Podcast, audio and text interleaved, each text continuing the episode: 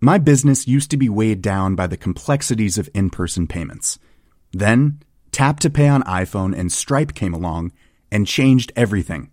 With Tap to Pay on iPhone and Stripe, I streamlined my payment process effortlessly. Now I can accept in person, contactless payments right from my iPhone. No extra hardware required.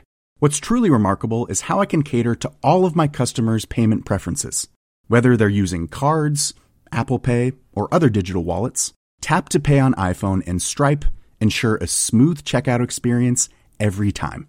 And it's not just me. Stripe helps businesses of all sizes, from local markets to global retailers, scale quickly and stay agile. To learn how Tap to Pay on iPhone and Stripe can help grow your revenue and reach, visit stripe.com slash tap iPhone. Hans Petter og co. presenteres av Check-in, sannsynligvis Norges beste påmelding og billettsystem som forenkler hverdagen for deg som arrangerer seminarer, konferanser og andre eventer. Les mer om Check-in på checkin.no slash Hans Petter.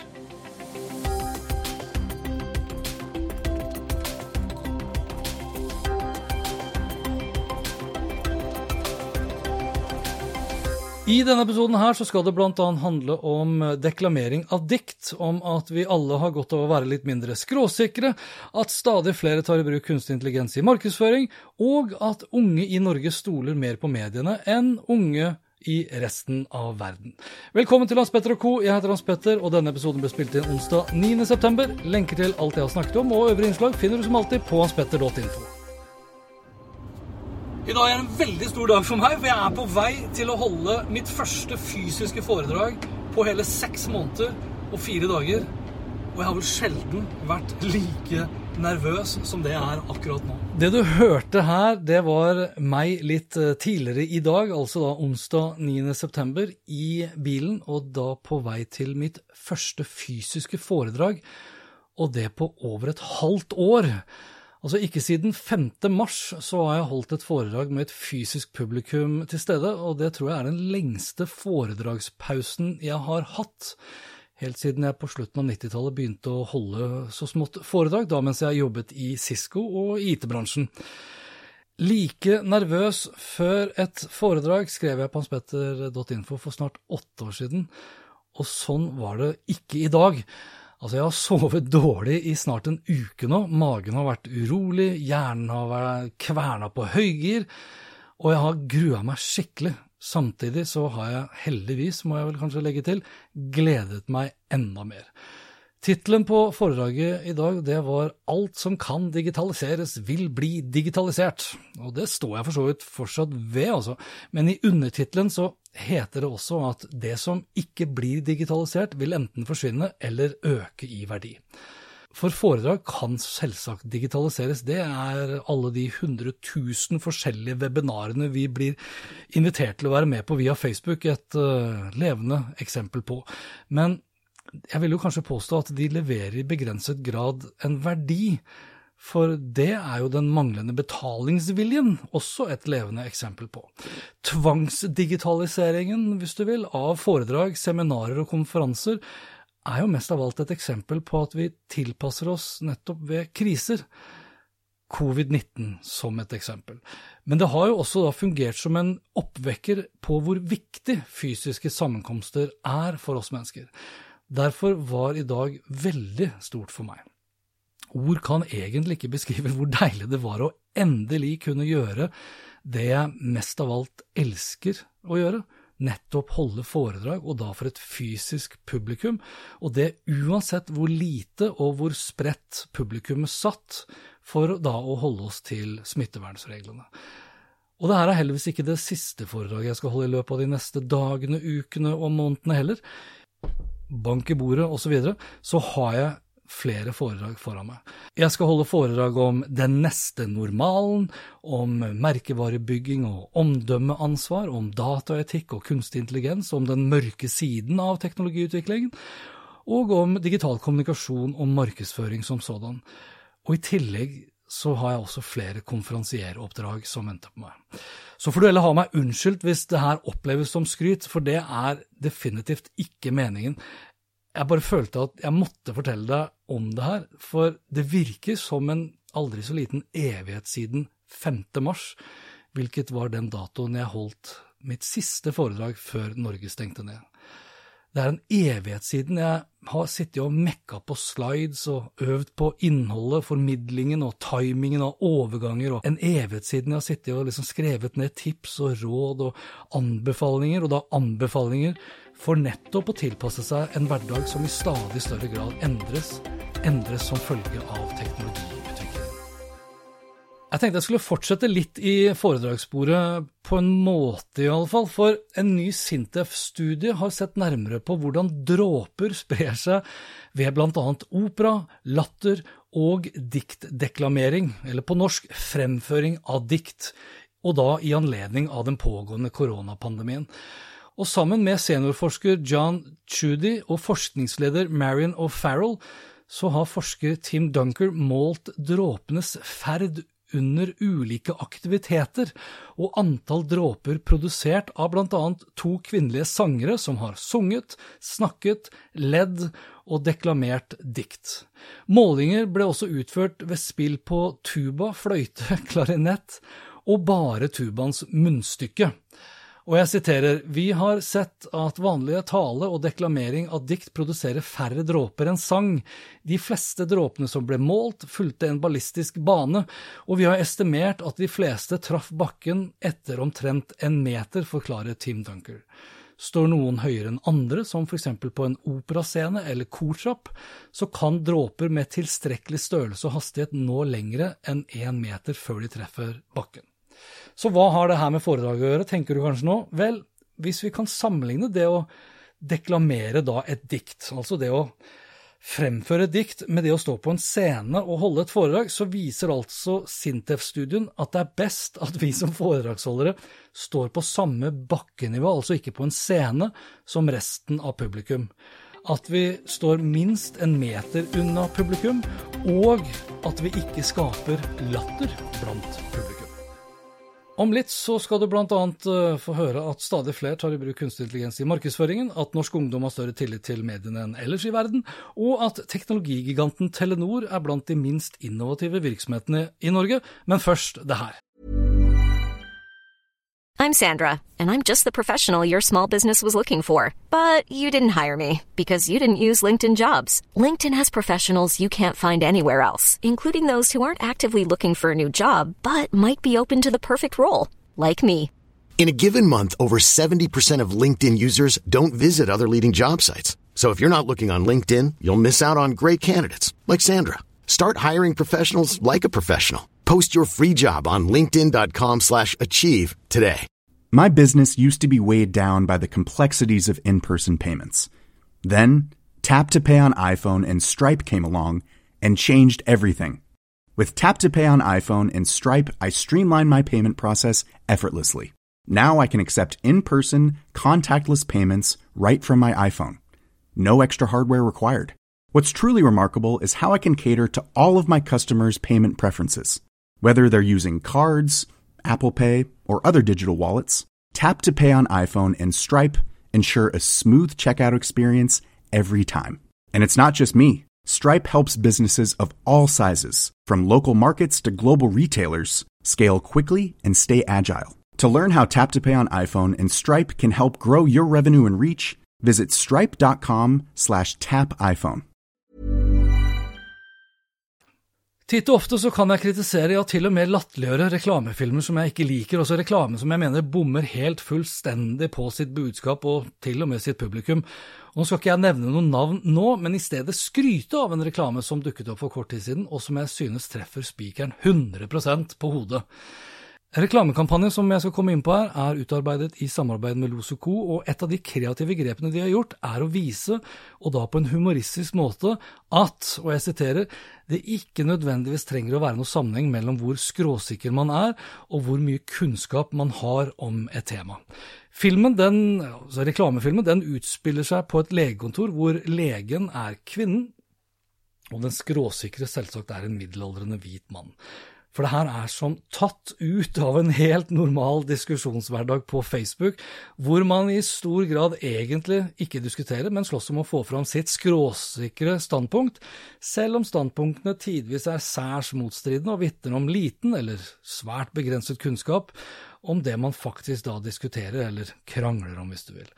Avsender av denne reklamefilmen her er Aftenposten, som forsøker å sette fokus på verdien av å tvile. Marius Torkelsen, merkevareansvarlig i Aftenposten, svarer til kampanje at, og jeg siterer, vi tror alle har godt av å være litt mindre skråsikre, og at debattene blir bedre hvis begge sider er nysgjerrig på hva den andre parten mener. Og det er jo vanskelig å være uenig med Marius Torkelsen i det. Selv så skrev jeg i 2018 at det ikke er noe vits å diskutere på Facebook, for forskningen viser også at vi svært sjelden endrer mening gjennom å diskutere på Facebook, og for så vidt i sosiale medier for øvrig.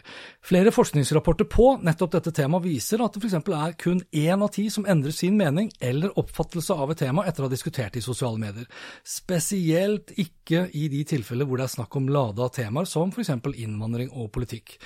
Tilsvarende debattklima har vi også sett her til lands når det f.eks. handler om miljø, klima, ulv, kjønn, religion eller vindkraft, og antall lada temaer blir stadig flere, noe som gjør at debatten blir stadig mer polarisert, som det egentlig kun er én part som vinner på, og det er Facebook.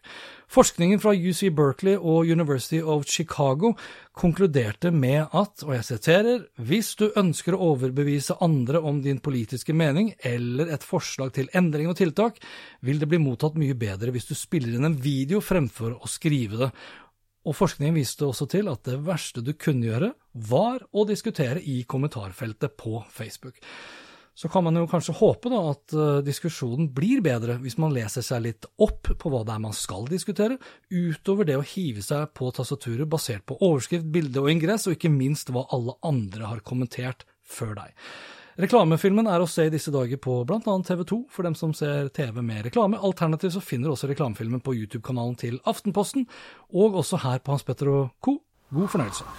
Hvis jeg sier ulv, hva sier du da? Jeg skyter bønda! Redd ulven! Hva med innvandring? Ut!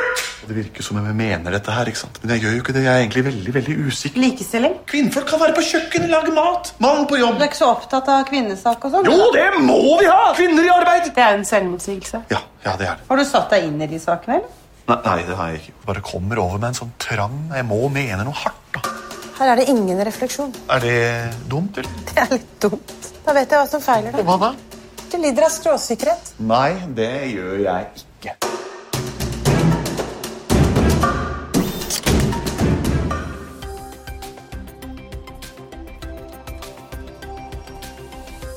Stadig flere bruker kunstig intelligens i markedsføring, kommer det frem av undersøkelsen State of Marketing fra Salesforce. Undersøkelsen viser bl.a. at det skjer enorme omveltninger i mange markeder, og dokumenterer at markedsførere derfor legger større vekt på innovasjon og nytenkning enn noen gang tidligere noe som ikke minst har vist seg viktig under koronapandemien.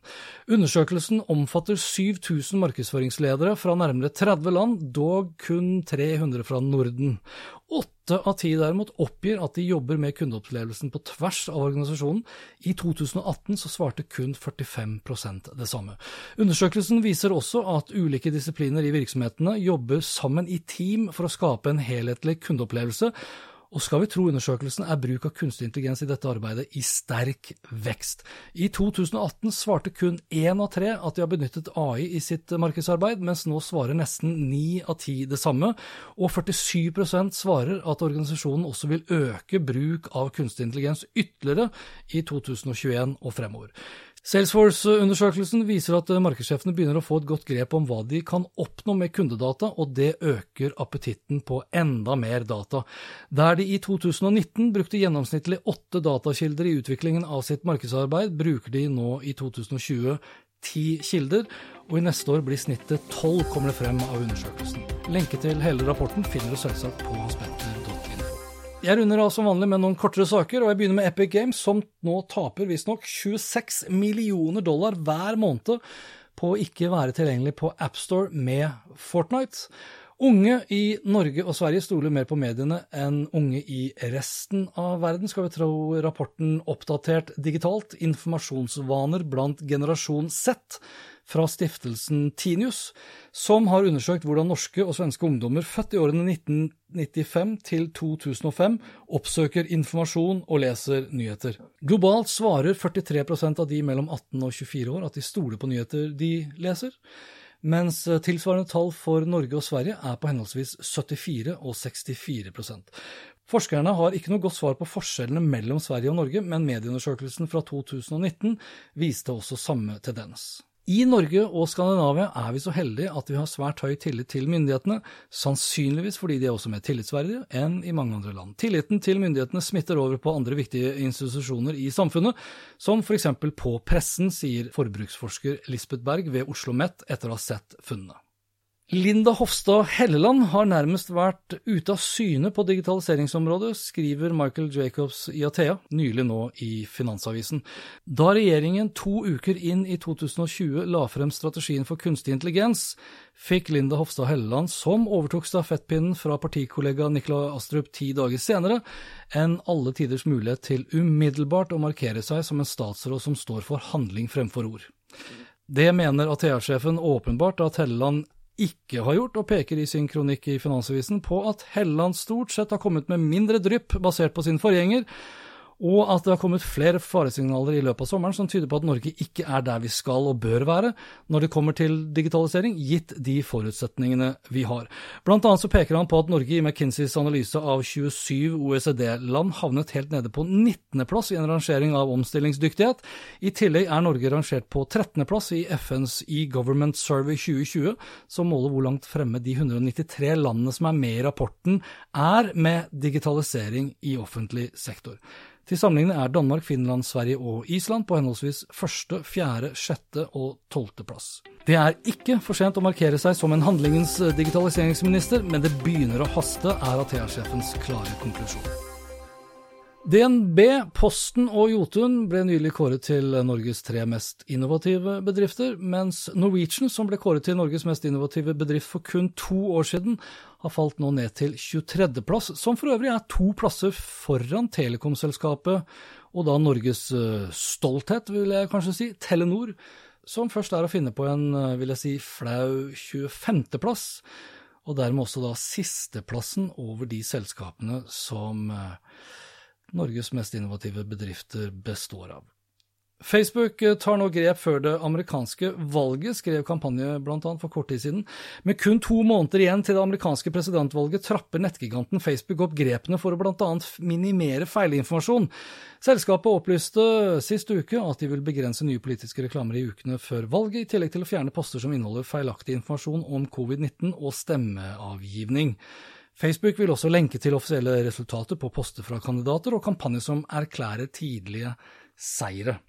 Her er det dog viktig å presisere at det vil være tillatt å sette penger på propaganda, hatprat og løgner helt frem til det kun er én uke igjen, og da har nok de aller, aller, aller fleste allerede bestemt seg om de vil stemme på Trump eller ikke.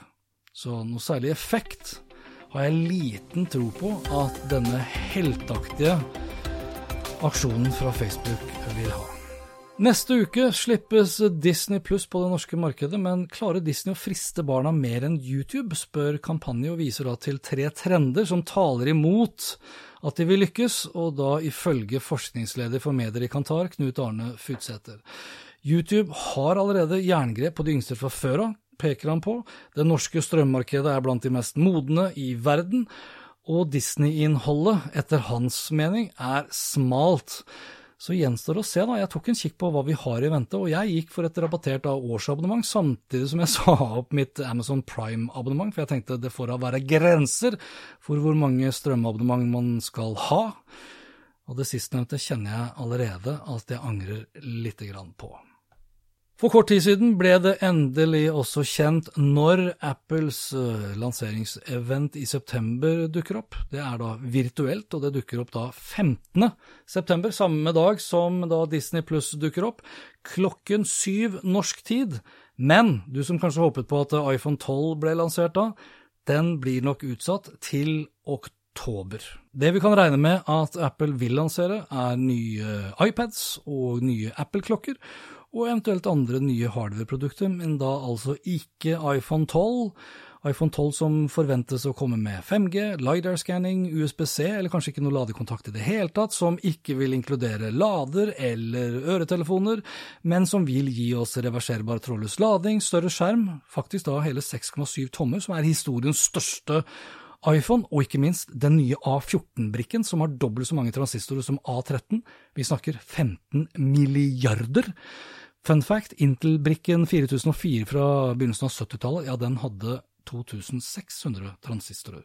Så her snakker vi eksponentiell økning. Og dette var det for denne gang. Lenker til alt jeg har snakket om og øvrige innslag finner du som alltid på hanspetter.info. Og likte du det du hørte og vil forsikre deg om at du får med deg de neste episodene, da kan du bl.a. abonnere på Hans Petter og Co. på Apple Podkaster. Ellers er podkasten også tilgjengelig på Spotify, Acast, Google Podcast, Overcast og Tuning Radio. Inntil neste gang, vær nysgjerrig, for det er den beste måten å møte vår digitale fremtid på. Hans Petter og co. presenteres av Check-in, sannsynligvis Norges beste påmelding og billettsystem, som forenkler hverdagen for deg som arrangerer seminarer, konferanser og andre eventer. Les mer om Check-in på checkin.no slash Hans Petter. The biggest names in tennis are coming to Paris for the most anticipated Roland Garros in years. Tennis Channel Plus is your place to watch. Stream every court from your phone or smart TV live in HD. Experience three weeks of unparalleled tournament access as the world's top players in tennis face off against each other. Will the veteran champions continue their dominance, or will a fresh face emerge to challenge their legacy on the clay courts? Daily live coverage of this epic showdown begins Monday, May 20th. Don't miss a matchup. Stream it now with Tennis Channel Plus to be there when it happens. My business used to be weighed down by the complexities of in person payments. Then, Tap to Pay on iPhone and Stripe came along and changed everything. With Tap to Pay on iPhone and Stripe, I streamlined my payment process effortlessly. Now I can accept in person, contactless payments right from my iPhone. No extra hardware required. What's truly remarkable is how I can cater to all of my customers' payment preferences. Whether they're using cards, Apple Pay, or other digital wallets, Tap to Pay on iPhone and Stripe ensure a smooth checkout experience every time. And it's not just me. Stripe helps businesses of all sizes, from local markets to global retailers, scale quickly and stay agile. To learn how Tap to Pay on iPhone and Stripe can help grow your revenue and reach, visit stripe.com slash tap iPhone.